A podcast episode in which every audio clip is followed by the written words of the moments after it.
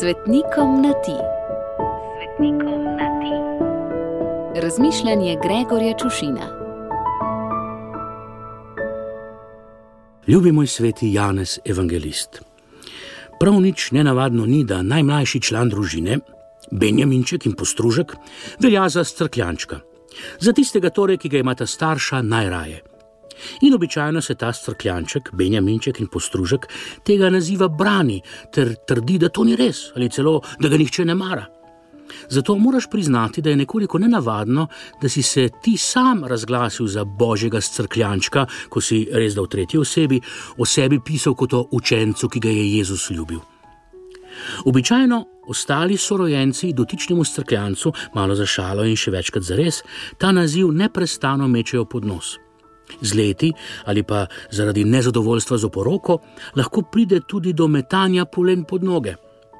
V žaru borbe, ko se stvari še dodatno zapletajo in pomešajo, pa lahko celo pride do metanja polen v nos.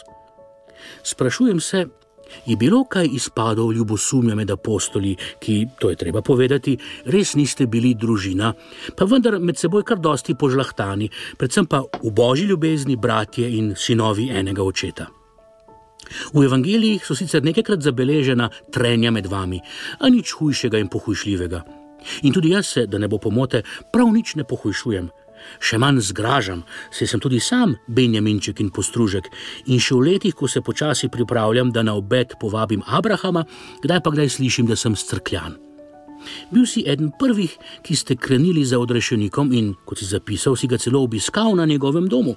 Čeprav vsi po vrsti mislimo, da Jezus nima doma, ko pa je še sam rekel, da nima kamor bi glavo naslonil si se pa zato ti pri zadnji večerji sklonil k Jezusovim prsim in sklepam, da si se malo naslonil. Vsaj jaz bi se. In se mi zdi, da si lahko slišal, kako Jezus ubije srce. To pa je crkljanje, da se reče.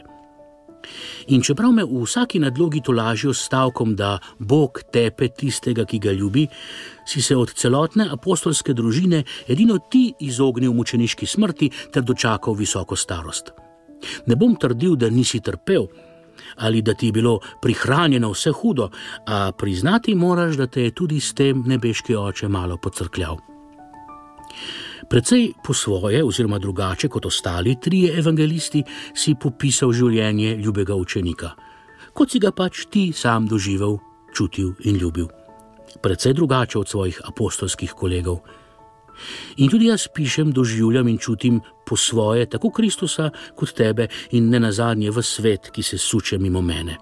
Predvsej drugače kot moji bratje in sestre, še posebej posvečeni bratje in sestre, s svetlimi izjemami, seveda. Ne vem, če so tebe apostoli kaj po strani gledali, jaz čutim poglede in vsake toliko me useka in zaboli kakšna beseda, a tako pač je.